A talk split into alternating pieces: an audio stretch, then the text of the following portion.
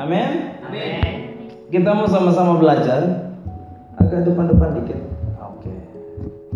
Oke, hari ini ada teman-teman bawa catatan, boleh dicatat. Nah, hari ini kita belajar tentang bukan kuantitas tapi kualitas. Sama-sama katakan bukan kuantitas tapi Kualitas. sama-sama katakan bukan kuantitas tapi Kualitas. kualitas. Oke. Kuantitas itu artinya jumlah atau angka. Betul nggak? Soalnya sekali lagi kuantitas adalah jumlah atau angka. Tetapi kualitas itu artinya mutu, berbobot atau standar yang tinggi. Saya ulang sekali lagi kualitas adalah mutu, berbobot dan standar yang tinggi. Oke, yang mengerti katakan amin. Amin. Oke. Nah, eh, seperti yang dilakukan oleh Tuhan Yesus, dia tidak fokus kepada orang banyak. Dia ter- dia fokus kepada murid-muridnya. Mari kita baca di Lukas 12 ayat 1. Atau bisa ditampilin?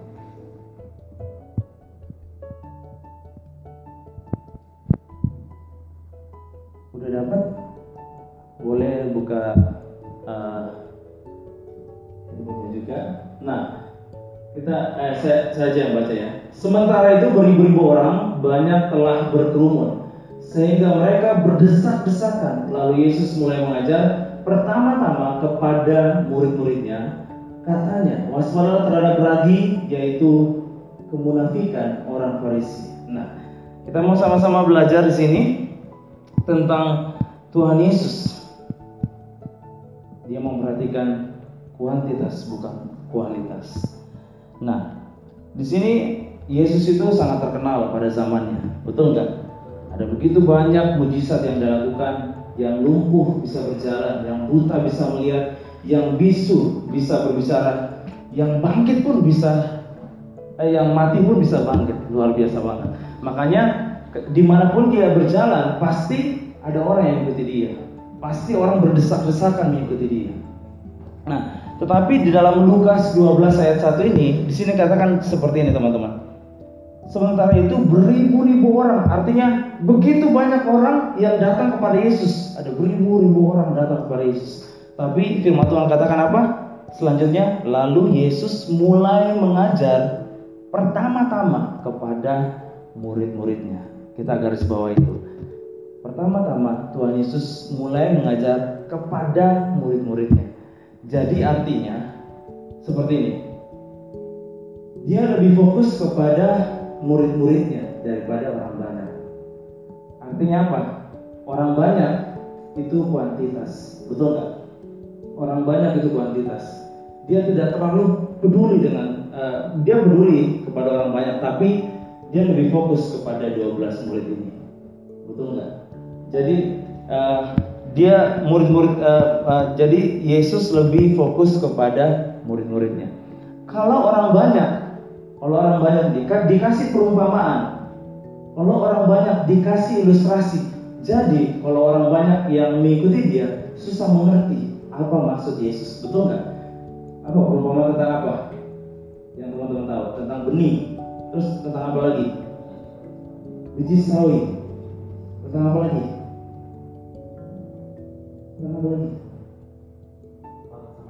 Tentang talenta, tentang orang Samaria dan lain sebagainya. Ada begitu banyak perumpamaan-perumpamaan di dalam Alkitab dikasih kepada orang banyak. Tetapi bedanya sama murid-murid Yesus langsung dikasih tahu. Ini artinya, ini artinya. Secara simpel, secara sederhana, murid-muridnya dikasih tahu. Jadi murid-muridnya cepat mengerti, eh, cepat nangkap apa yang dimaksud oleh Tuhan Yesus. Amin.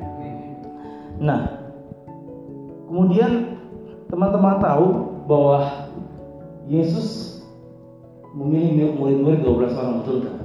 Nah, dari 12 orang ini menjadi dahsyat betul kan? Paulus satu kali berkhotbah langsung 3000 orang bertobat. Eh, Petrus maksud saya. Petrus sekali bertobat langsung bertobat ya, 3000 orang. Nah, nah eh, Petrus ketika dia lewat di uh, orang sakit, orang sakit itu sembuh dengan bayangannya. Luar biasa sekali. Dibilang ada orang buta uh, di atau pengemis di jalan terus dia bilang apa yang engkau minta daripada kata uh, kata Petrus emas dan perak tidak ada padaku tetapi dalam nama Yesus bangkit dan berjalan. Wow luar biasa. Padahal Petrus itu tidak sekolah sama sekali tidak sekolah teologi, tidak sekolah uh, uh, uh, kependetaan, tapi dia bisa melakukan hal-hal yang besar. Karena kenapa? Karena Yesus memperhatikan yang namanya kualitas daripada kuantitas. Amin. Teman-teman ngerti? Saya kasih contoh satu lagi uh, ilustrasi seperti ini. Teman-teman uh, kalau sekolah, semua sekolah, sekolah uh, SMP ada SMP yang SMA ada. Oke sisanya kuliah dan kerja. Nah kalau teman-teman sekolah eh, teman-teman uh, dapat nilai yang tinggi siapa di sini yang dapat ranking satu? Nggak pernah dapat ranking satu. Ranking dua sepuluh besar dah. Ah, sepuluh besar. Lumayan. Tepuk tangan dong buat Tuhan kita. Nah teman-teman kalau dapat ranking ranking contohnya ranking satu di teman-teman dapat atau ranking dua. Tetapi dari nilai itu semua semuanya hasil nyontek. Semuanya hasil nyontek. Itu artinya kuantitas bukan kualitas. Atau nggak? Colek jangan nyontek dong. Colek kiri kanan jangan nyontek dong. Jangan nyontek dong. Betul nggak jadi teman-teman harus uh, pada hari ini kita belajar tentang bukan kuantitas tapi kualitas. Amin. Nah, saya secara singkat aja saya akan bagikan uh, dua hal kepada teman-teman. Yang pertama adalah Tuhan melihat hati. Nah, kita buka Alkitab di Matius 25 ayat 14 sampai 24. Matius 25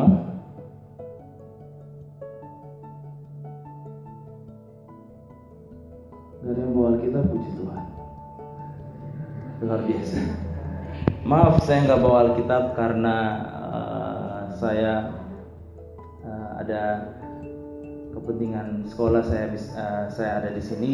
Jadi uh, saya hanya bawa satu tas nggak bisa terlalu banyak. Kalau banyak bisa tas saya kebanyakan sudah banyak ada sepatu ada ini ada ini kebanyakan. Jadi saya pakai kalau baca Alkitab pakai di handphone aja. Tapi kalau di Bekasi di image Bekasi semuanya harus bawa Alkitab. No handphone. No handphone. Kecuali kalau pendetanya. Pendetanya saya suruh juga bawa Alkitab. Handphone boleh tapi Alkitab harus ada. Karena orang jarang menghargai Alkitab orang lebih menghargai handphone daripada itu. Salah. Karena ketahuan orang yang sering baca Alkitab atau tidak pernah baca Alkitab. Yang tidak pernah baca Alkitab katakan amin. Enggak ada ya. Semua di sini baca Alkitab amin? Oke. Okay. uh, eh, teman-teman kita nggak baca semua ya. Teman-teman tahu kan tentang perumpamaan tentang talenta? Tahu ya? Oke. Okay. saya tidak terlalu membahas tentang itu. Nah di Matius 25 ayat 21 sama 23 itu sama ayatnya ya. Saya akan bacakan kepada teman-teman. Seperti ini. Baik sekali perbuatanmu itu, hai hambaku yang baik dan setia. Engkau telah setia dalam perkara kecil dan ke perkara kecil aku akan memberikan kepadamu tanggung jawab dalam perkara yang besar. Masuklah dan turutlah dalam kebahagiaan Tuhan. Nah, di Matius 25 ayat 21 sama 23 itu reaksi tuannya sama. Jadi saya ceritakan seperti ini. Ada seorang tuan yang pergi ke luar negeri. Sebelum dia pergi ke luar negeri, dia mempercayakan talenta-talenta kepada hamba-hambanya. Betul? Nah, dia percayakan ada yang lima talenta, ada yang dua talenta dan satu talenta. Yang lima talenta mengadakan lima talenta. Yang dua talenta mengadakan dua talenta, betul? Tetapi yang satu kita tidak mau bahas. Yang yang lima sama dua aja yang kita bahas. Nah, reaksi dari Tuhan itu sama. Orang yang mendapatkan lima talenta sama dua talenta. Di ayat 21 dan 23 dikatakan seperti itu. Baik sekali perbuatanmu, hai hambaku yang baik dan setia. Engkau telah setia dalam perkara kecil dan aku akan memberikanmu perkara yang besar. Masuklah dan turutlah dalam kebahagiaan Tuhan. Di situ dikatakan uh, uh, tentang uh, tentang hamba yang setia, hamba yang mendapatkan lima talenta sama dua talenta. Itu Tuhan hargai sama. Amin. Nah, jadi uh, Tuhan tidak melihat jumlah atau lima atau dua, dia menghargai sama. Perkataan Tuhan Yesus juga sama. Betul nggak? Amin. Jadi artinya apa? Tuhan tidak pernah melihat kuantitas, tapi Tuhan melihat apa?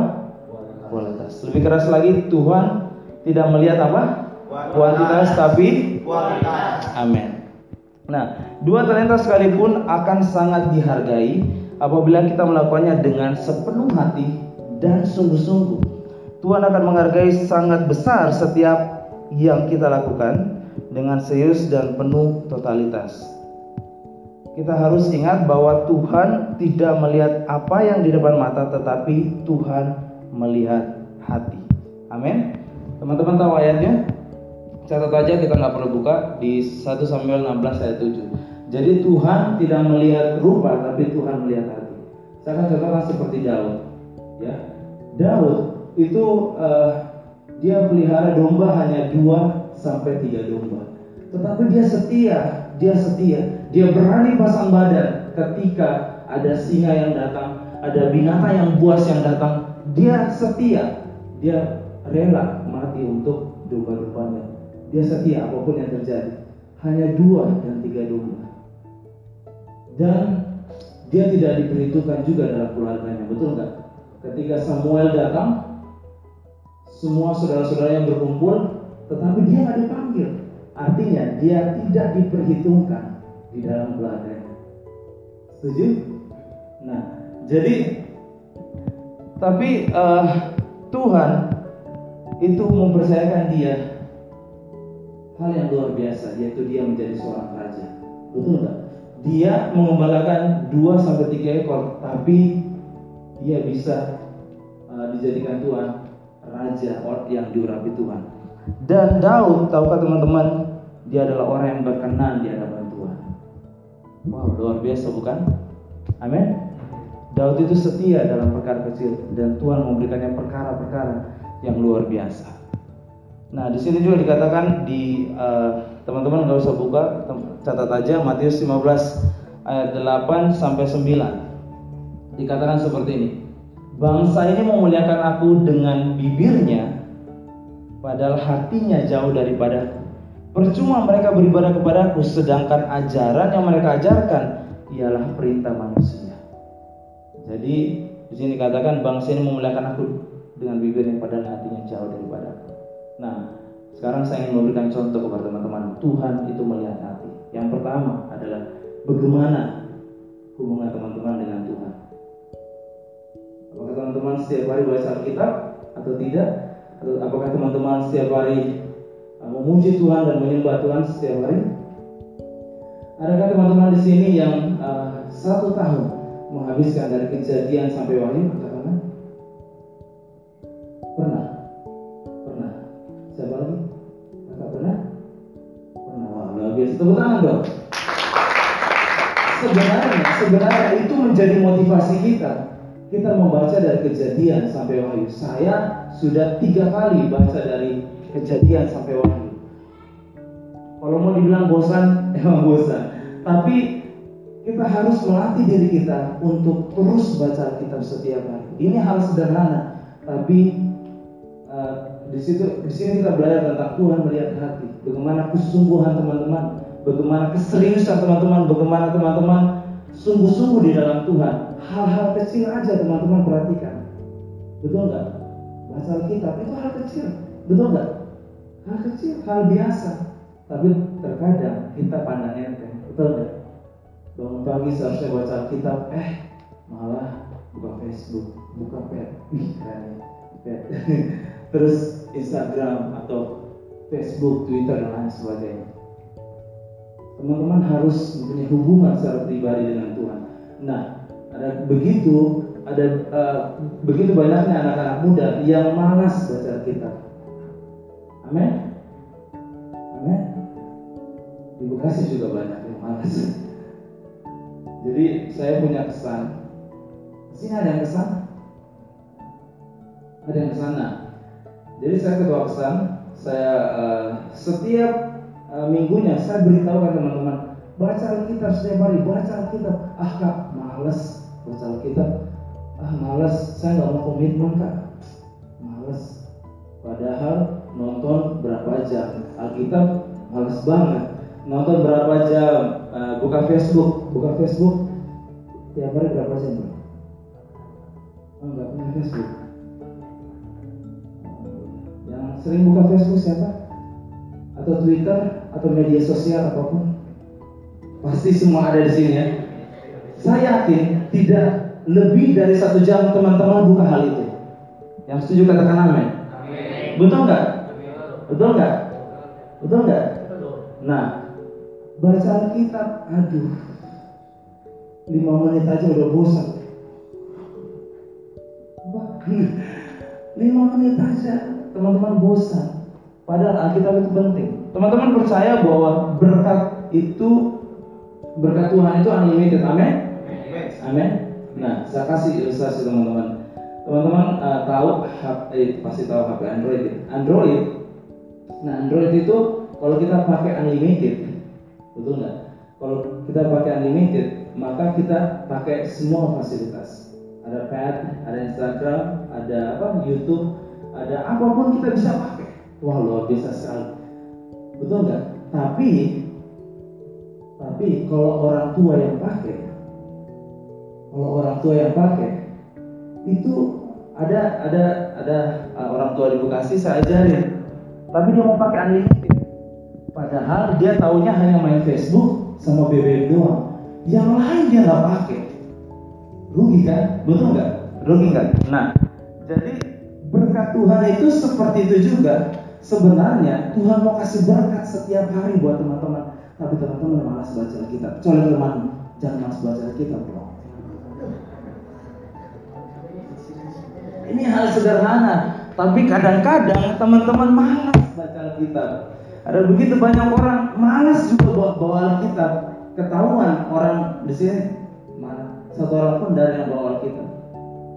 Kalau di Bekasi, sebelum orang dengan firman, sebelum orang dengan firman, mereka angkat Alkitab mereka dan deklarasi firman. Mereka semua bawa, bawa Alkitab. Saya saya anjurkan seperti itu karena kenapa? Orang jarang menghargai Alkitab daripada uh, orang jarang menghargai Alkitab karena lebih menghargai yang lain. Android. Betul nggak? Betul nggak? Nah teman-teman harus menghargai yang namanya Alkitab. Serius, sungguh-sungguh lakukan perkara-perkara yang kecil, maka Tuhan akan berikan perkara-perkara yang luar biasa. Amin. Nah, terus teman-teman uh, tahu kalau setiap hari uh, penting kalau kita charge, charge handphone ya, charge handphone setiap hari. Sama juga uh, uh, apa namanya kalau kita uh, kalau kita bangun pagi harus charge handphone dan uh, pasti bisa dipakai seharian.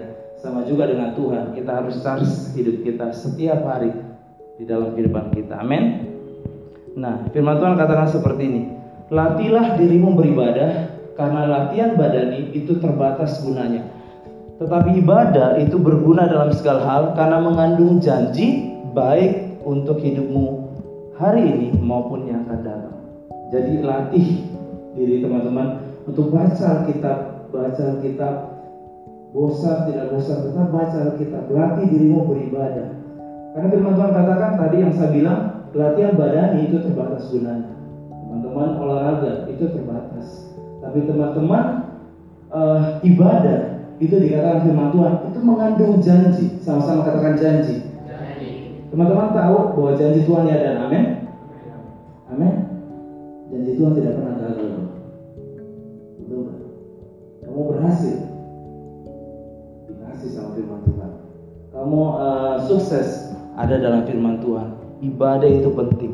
Janji Tuhan ada amin. Teman-teman tahu uh, ada 10 ribu lebih janji Tuhan dalam firman kita. Ada kesehatan, teman-teman mau berhasil, teman-teman mau sukses, teman-teman mau ngapa-ngapain, ada semua dalam Alkitab komplit, komplit, komplit, komplit.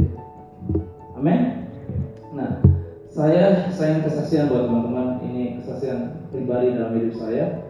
Nah, pertama kali saya pelayanan, saya di Bekasi baru 4 tahun. Tapi saya lahir besar di Makassar. Ini waktunya berapa menit ya?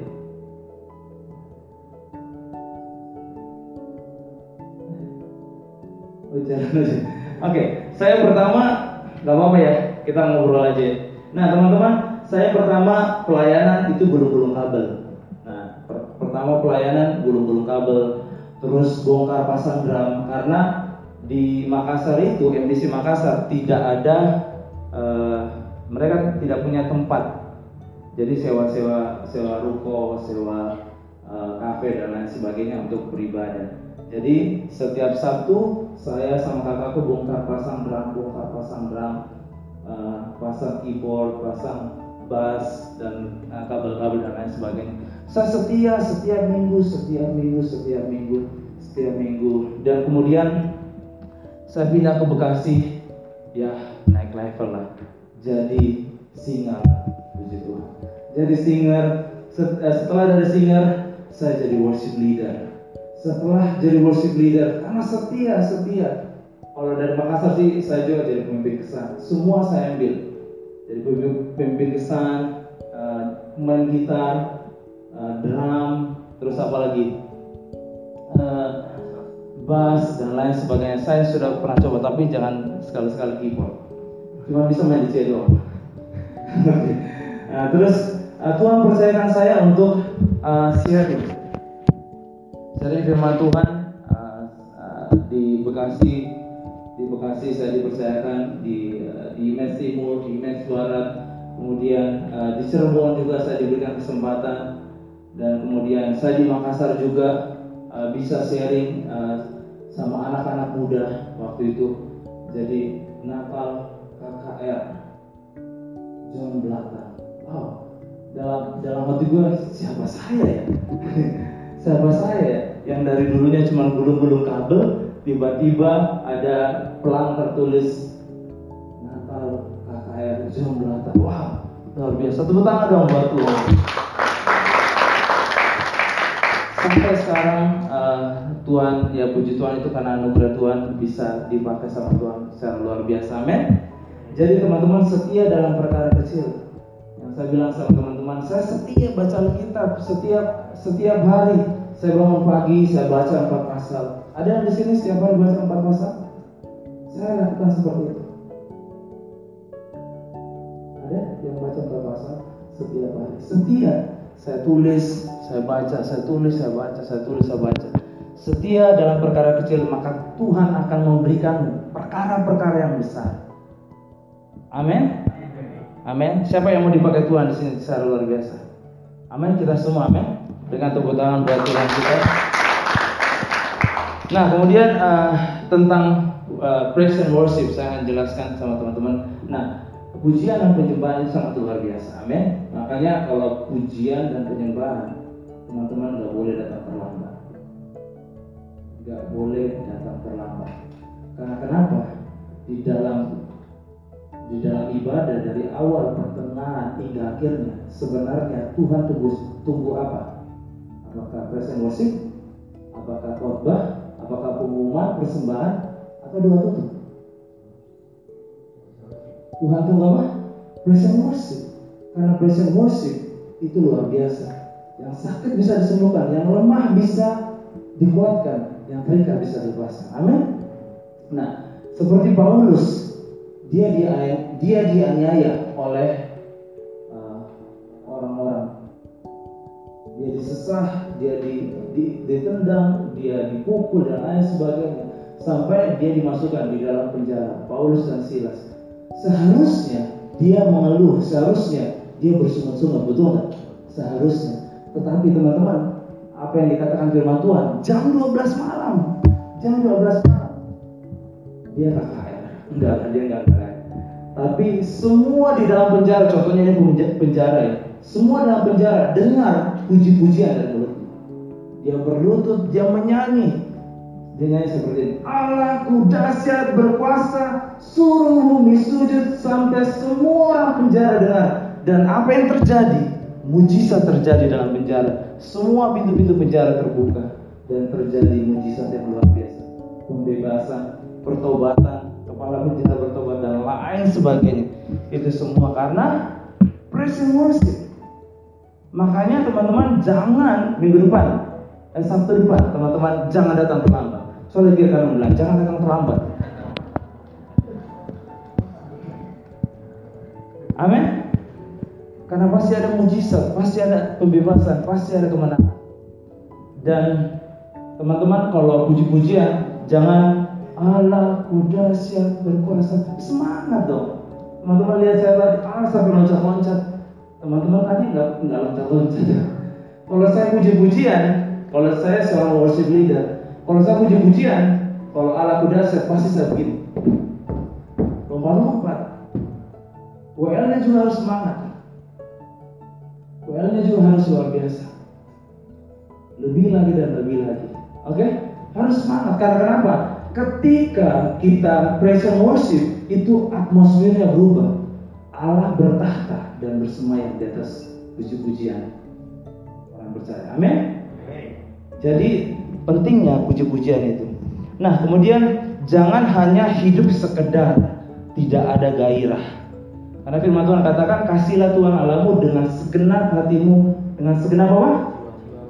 Jiwa, kekuatan, dan akal budi. Amin. Jangan hanya sekedar teman-teman datang ke IMES, jangan hanya sekedar. Betul nggak? Ah, saya mau ibadah doang, mau duduk doang, datang pulang. Jangan dong. Teman-teman libatkan dirimu. Teman-teman tahu musik? Teman-teman tahu nyanyi? Libatkan dirimu. Teman-teman uh, uh, libatkan di dalam kesan. Semua di sini ikut kesan? Ikut kesan ya. Harus. Karena di dalam pesan teman-teman saling membangun antara satu dengan yang lain. Amin. Nah, eh, firman Tuhan katakan seperti ini dalam Kolose 3 ayat 23. Apa pun yang apa pun juga yang kamu perbuat, perbuatlah dengan segenap hatimu seperti untuk Tuhan, bukan untuk manusia. Betul nggak? Teman-teman bekerja, jangan hanya sekedar bekerja. Teman-teman studi, jangan hanya sekedar studi. Tapi teman-teman harus dengan sepenuh hati melakukannya, bukan untuk manusia, tapi untuk Tuhan. Yang percaya katakan amin. Kemudian yang berikutnya adalah bukan berapa kali teman-teman ibadah, itu adalah uh, kuantitas tapi teman-teman juga harus perhatikan kualitas hidup teman-teman. Amin. Sebab di 1 Timotius 4 ayat 12 katakan seperti ini. Jadilah teladan. Dalam apa? Perkataanmu tingkah lakumu kasih kesetiaan dan kesucian. Amin. Amin nah Oke, okay, lanjut. Uh, Oke, okay. di sini uh, saya menulis seperti ini. Inti kehidupan seperti ini. Kalau teman-teman mau berhasil, baca Alkitab. Betul nggak? Firman Tuhan dalam Markus 1 ayat 2 sampai 3 katakan siapa yang merenungkan Taurat Tuhan siang dan malam siang dan malam ia seperti pohon yang ditanam di tepi aliran air yang menghasilkan buah pada musimnya dan tidak layu daunnya apa pun yang dia perbuat akan berhasil. Kalau saya bisa tambah sukses, kalau saya bisa tambah beruntung. Yang percaya katakan amin. Amin. Kalau teman-teman mau berhasil, baca firman Tuhan. Kalau teman-teman mau panjang umur dan sejahtera, hormati orang tua. Jadi kualitas hidup sama kasih tahu, tahu sama teman-teman, hati-hati dengan status Facebook. Ini hal kecil ya. Status Facebook anak Tuhan tidak boleh mengatakan kata-kata kotor di dalam uh, di dalam status Facebook atau pet atau uh, atau Twitter dan lain sebagainya. Karena saya tahu anak-anak muda pasti aktif dalam media sosial. Amin. Jadi perkataan teman-teman itu harus dijaga. Sebab firman Tuhan katakan gini, hidup dan mati dikuasai oleh lidah. Siapa suka menggemanya dia akan memakan buah. Amin. Jadi hati-hati dengan lidah, hati-hati dengan perkataan, hati-hati dengan uh, status teman-teman. Nah, uh, ada begitu uh, saya uh, di sini datang sama teman-teman. Uh, teman-teman saya uh, merokok lah, tapi uh, dia bilang, uh, Kak John kenapa nggak merokok? Iya dong, saya udah berhenti. Saya dulu perokok aktif, aktif banget. Susah juga untuk berhenti, tapi karena saya kenal Tuhan aja, karena saya, uh, baru saya berhenti. Nah, ada teman saya bilang, kamu uh, cewek yang cewek ya, uh, cewek teman cewek saya di kampus bilang gini, Kak John gak merokok? Iya, emang kenapa? Ini dong, agak bencong kalau gitu. dia bilang gitu, gak merokok, dia bilang bencong. Ada yang pernah katakan anak-anak cowok dibilang bencong sama cewek karena nggak merokok? Kalau di sini nggak ada, mungkin di Bekasi banyak. Di Bekasi mungkin banyak. Jadi jangan mencoba yang namanya rokok, jangan ya saya udah pernah coba obat-obatan terlarang, uh, uh, apa, coba-coba semualah hal-hal yang negatif dan lain sebagainya. Makanya teman-teman bukan hanya sekedar ibadah, tetapi teman-teman kualitas hidupnya juga harus dijaga. Betul nggak? Artinya itu kualitas bukan kuantitas. Kemudian yang kedua, uh, saya beri judul yang kedua temanya kecil dan lemah tapi bisa menginspirasi. Nah, uh, kita harus meneladani uh, Yesus ya Uh, pelayanannya di dunia ini. Di sini katakan Yesus tidak pernah memperhitungkan jumlah. Mau satu orang, mau ribuan orang, dia tetap perhatikan, betul nggak? Dia tetap perhatikan, dia tetap uh, menolong orang tersebut. Uh, bahkan pernah terjadi seperti ini di Yohanes 6 ayat 66 dikatakan seperti ini. Mulai dari waktu itu banyak murid-muridnya mengundurkan diri dan tidak lagi mengikut dia. Itu kejadiannya karena Tuhan Yesus bilang seperti ini. E, Akulah roti hidup yang turun dari surga. Orang Farisi bilang, mana mungkin turun dari surga? Saya tahu bapakmu, saya tahu ibumu, saya tahu saudara-saudara, mana mungkin? Jadi orang berdebat, makanya uh, uh, ada begitu banyak murid-murid Yesus yang mengundurkan diri tetapi Yesus tetap uh, menjalankan uh, perintah uh, perintah Bapaknya di surga dan tetap melakukan rencana Tuhan, kehendak Tuhan dalam dalam dalam di bumi ini. Nah, intinya adalah uh, uh, jangan pandang uh, memandang hina hal-hal kecil di dalam kehidupan. Amin.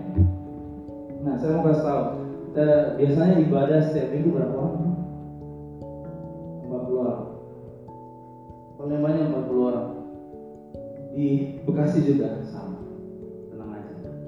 Di Bekasi Barat juga sama. Tenang aja. Di Jakarta juga sama. Tenang aja. Nah, saya mau kasih tahu seperti ini teman-teman. Saya buat saya berbicara ini saya juga ber, uh, tentang hal ini di Bekasi juga. Nah, teman-teman dari kecil ini, dari 40 orang ini, teman-teman setia aja, setia aja. Karena gini, apa pun yang terjadi dalam ibadah ini, ketika teman-teman setia dalam perkara-perkara kecil, Tuhan akan berikan perkara-perkara yang luar biasa. Nah, teman-teman tidak perlu uh, harus banyak ibadah itu harus 100 orang, 200 orang. Jangan terlalu cepat, bro. Bangun kualitas yang teman-teman komitmen. Komitmen sama kasih komitmen sama pemimpin. Komitmen sama pengurus-pengurus yang lain. Teman-teman setia dalam perkara kecil setia dalam perkara kecil. Teman-teman bangun kualitas kualitas hidup yang pertama. Baca kita kemudian kesan dan lain sebagainya. Pasti teman-teman dari 40 orang Tuhan akan lipat gandakan jadi 100 orang amin Tuhan lipat gandakan jadi 200 orang, 500 orang, sampai 1000 orang. Amin. Teman-teman, teman-teman percaya? Saya kasih contoh. Yesus itu pilih hanya 12 orang. Tapi tahu nggak Tuhan Yesus perhatikan 12 orang ini tiga setengah tahun jalan bersama-sama Yesus. Tuhan Yesus perhatikan kualitas mereka. Tuhan Yesus nggak perhatikan orang lain. Dia nggak perhatikan uh, yang beribu-ribu orang banyak itu yang datang. Tapi Tuhan Yesus hanya perhatikan yang segini 40 orang. Tahu apa yang terjadi? Dari 12 orang langsung Petrus berkhotbah 3000 orang langsung bertobat. Artinya 12 orang tambah 3000 berapa? 3012. Betul nggak? Jadi gini, saya mau kasih tahu sama teman-teman di sini. Tidak usah pusing. Wih, kok dikit ya? Kok image hari ini dikit ya? Oh, kok image uh, hari ini uh, gini ya? Oh, kok image begini? Gak usah mikirin gitu. Ini begini. Teman-teman sama sama-sama komitmen bersatu dalam doa. Teman-teman bangun kualitas di dalam maka itu akan memancar keluar dan teman-teman akan menjadi berkat di kota Bekasi. Amin. Berikan tepuk tangan buat Tuhan kita. Jadi uh, teman-teman harus perhatikan yang di dalam aja. Kemudian seperti ini, uh, kita harus memperhatikan hal-hal yang kecil atau peristiwa-peristiwa yang kecil. Nah, kita tidak boleh memandang hina hal-hal kecil karena sering kali berkat Tuhan pun dimulai dari sesuatu yang biasa atau kecil atau kelihatan sepele. Amin. Nah, bahkan kelemahan kita yang terparah sekalipun bisa dipakai Tuhan untuk menjadi lahan subur untuk menyatakan kuasanya. Dalam firman Tuhan di 1 Korintus 1 ayat 27 kita buka sama-sama. Ini penting sekali. 1 Korintus 1 ayat 27 Oke saya bacakan aja ya Tetapi apa yang bodoh bagi dunia dipilih Allah untuk memalukan orang yang berhikmat Dan apa yang lemah bagi dunia dipilih Allah untuk memalukan apa yang kuat Oke sekali lagi intinya gini Yang bodoh bisa memalukan orang yang berhikmat Yang lemah bisa memalukan orang yang kuat Tuhan senang memakai hal-hal yang kecil untuk menunjukkan kebesaran kuasanya. Amin. Saya contohkan seperti ini. Uh, mungkin sudah pernah sharing di tempat ini ya. Kak Yeri tahu Kak Yeri Pati Nasarani?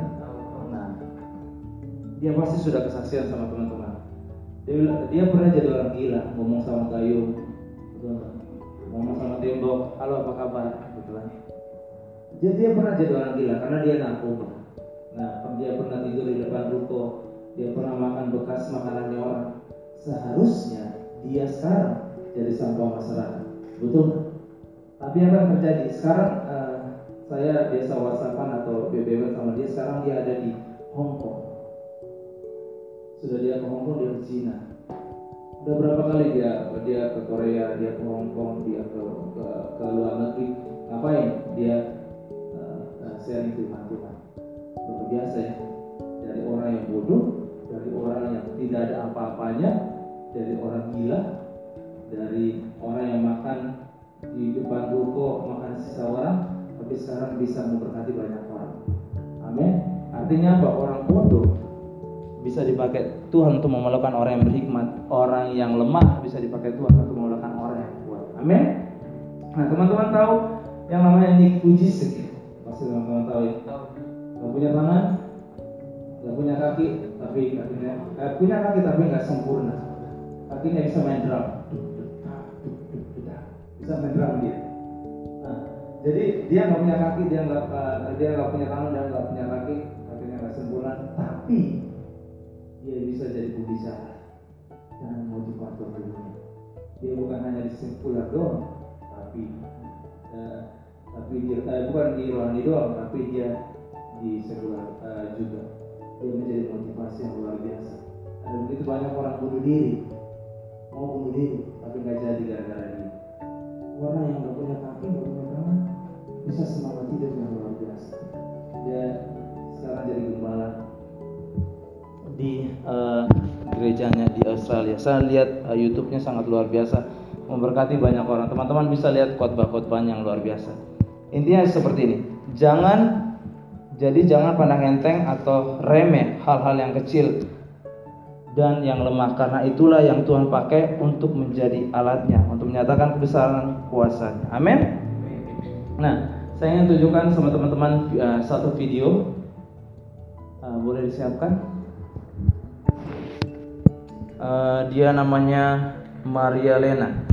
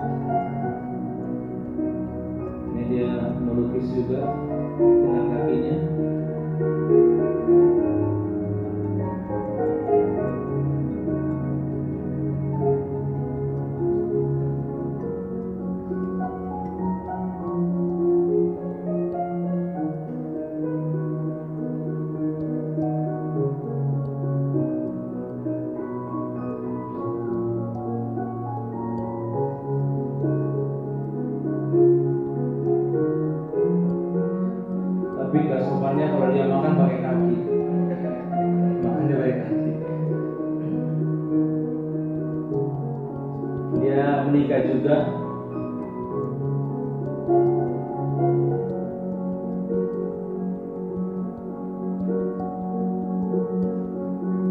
Nah, siap, dia juga bisa masak loh. Tapi masaknya pakai kaki. Siapa yang mau tuh makan?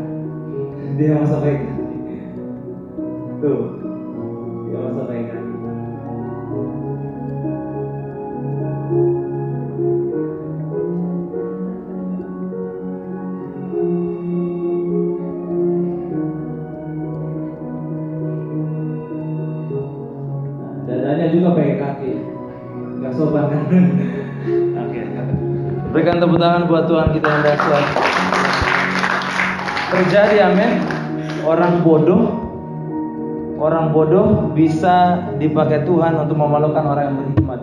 Orang lemah bisa dipakai Tuhan untuk memalukan orang yang kuat. Amin. Amin. Jadi hari ini kita belajar tentang bukan kualitas, eh bukan kuantitas, tetapi kualitas. Pemain musik silahkan maju. Nah, Teman-teman ada kata bijak dari Frank eh, Frank Clark. Dikatakan seperti ini. Perhatikan teman-teman. Perhatikan baik-baik. Kata-kata uh, bijaknya seperti. Setiap setiap orang yang mencoba mencapai suatu hal yang besar tanpa menyadari bahwa hidup itu adalah kumpulan dari hal-hal yang kecil. Saya ulang sekali lagi ya, supaya teman-teman mengerti.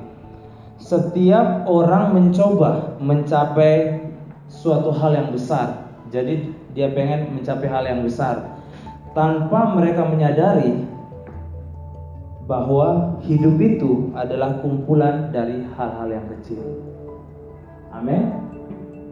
Teman-teman setia baca Alkitab, teman-teman setia ibadah, teman-teman setia present worship. Setiap hari memuji Tuhan. Itu dari kumpulan-kumpulan yang kecil. Maka Tuhan akan memakai kehidupan teman-teman. Amin. Amin. Setia. Teman-teman setia kesan setia beribadah setia dalam pelayanan setia di dalam hal-hal yang kecil teman-teman belajar pun teman-teman setia belajar pasti teman-teman mendapatkan hasil yang terbaik betul nggak betul nggak jadi teman-teman harus setia di dalam hal-hal yang kecil. Kemudian ada kata-kata bijak dari Mother uh, Tresia dia bilang seperti ini. Kalau teman-teman mau catat boleh dikatakan seperti ini. Dalam kehidupan ini kita tidak dapat selalu melakukan hal-hal yang besar. Tetapi kita dapat melakukan banyak hal kecil dengan cinta yang besar. Saya ulang sekali lagi, dalam kehidupan ini kita tidak dapat selalu melakukan hal yang besar, tetapi kita dapat melakukan banyak hal kecil dengan cinta yang besar. Artinya, mulailah dari hal-hal yang kecil. Teman-teman bangun pagi, lakukanlah hal yang kecil.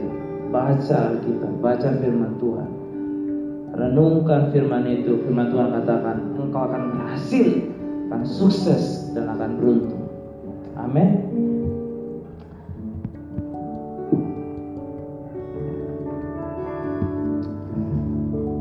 satu pujian teman-teman bangkit berdiri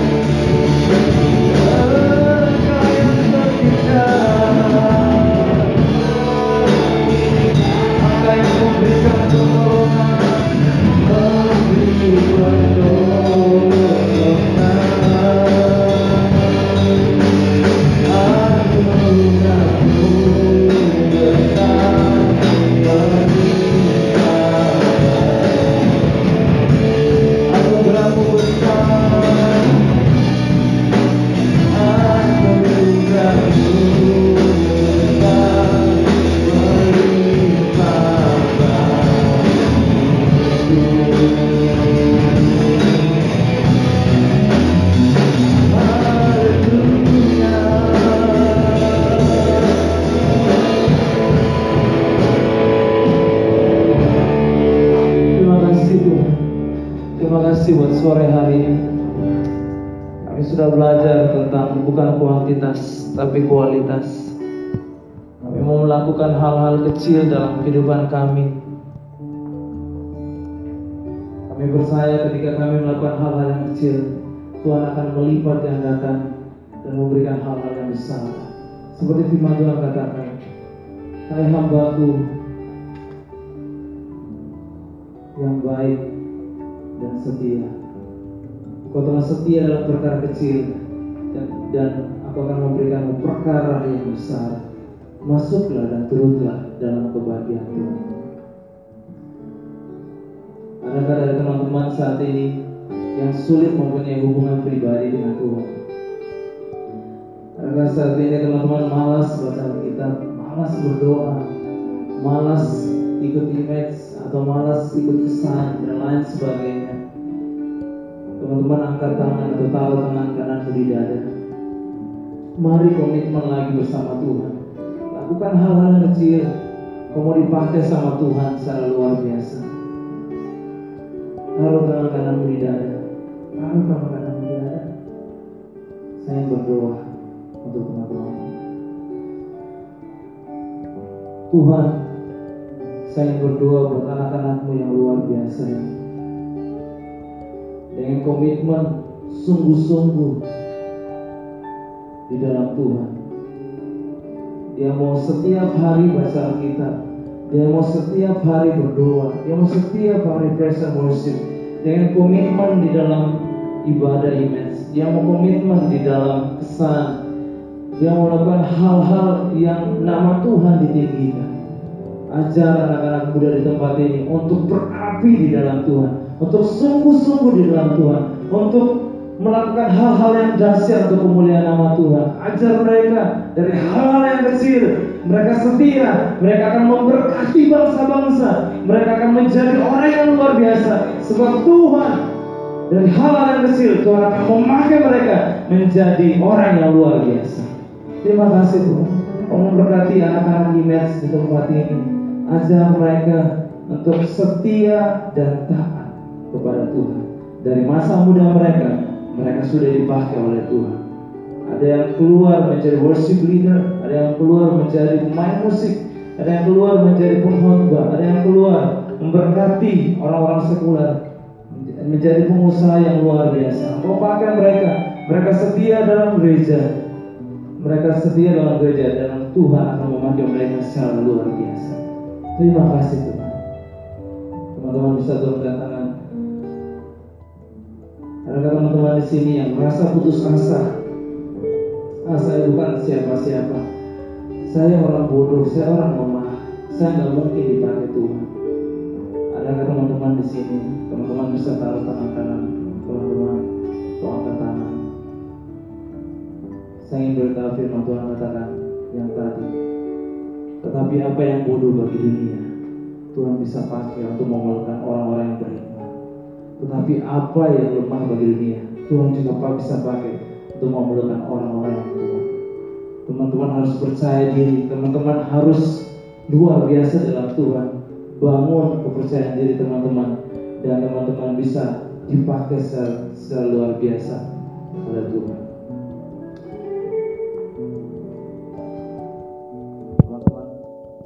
Uh, saya ingin uh, spesial mendoakan teman-teman semua yang ada di sini Teman-teman bisa angkat tangan, semuanya angkat tangan di hadapan Tuhan. Dan kita percaya dua dan tiga orang berkumpul dalam nama Yesus. Kita percaya Tuhan ada di sini. Kita membuat suatu deklarasi, kita membuat suatu komitmen yang baru bersama Tuhan di tempat ini.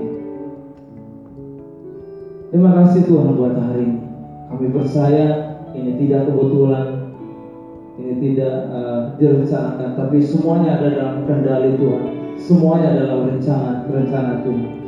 Tuhan, teman-teman yang angkat tangan, teman-teman yang mengangkat hatinya untuk Tuhan, Engkau pakai mereka dari hal-hal yang kecil. Tuhan pakai mereka untuk menjadi orang yang luar biasa. Dari hal-hal yang kecil, dari tangan mereka yang biasa-biasa, Engkau pakai secara luar biasa di dalam nama Tuhan Yesus. Di dalam nama Tuhan Yesus. Di dalam nama Tuhan Yesus. Engkau pakai mereka Tuhan, Engkau pakai mereka. Kau pakai mereka secara luar biasa. Kau pakai mereka secara luar biasa. Terima kasih Tuhan, terima kasih Tuhan.